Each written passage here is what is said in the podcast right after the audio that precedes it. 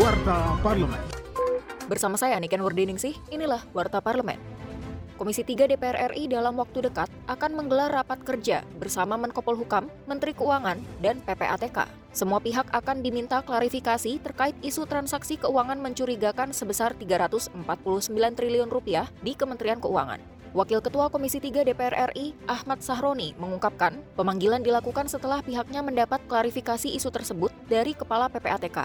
Ia menambahkan rapat ini diagendakan untuk membuka informasi yang seterang-terangnya kepada publik. Warta Parlemen.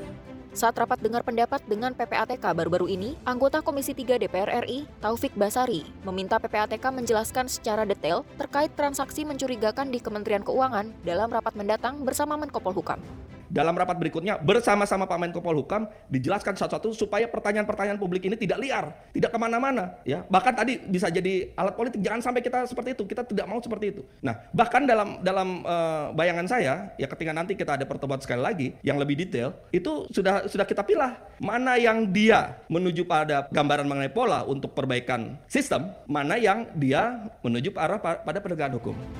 Kinerja Wakil Rakyat dapat Anda simak melalui media sosial DPR RI.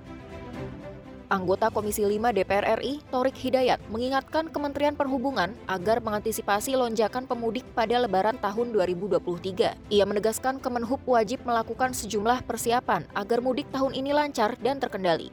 Torik juga mengingatkan penyebab kemacetan di jalan tol harus segera diidentifikasi. Legislator fraksi PKS ini menambahkan, kerusakan jalan juga harus segera diperbaiki dan diselesaikan sebelum arus mudik berlangsung. Televisi Radio.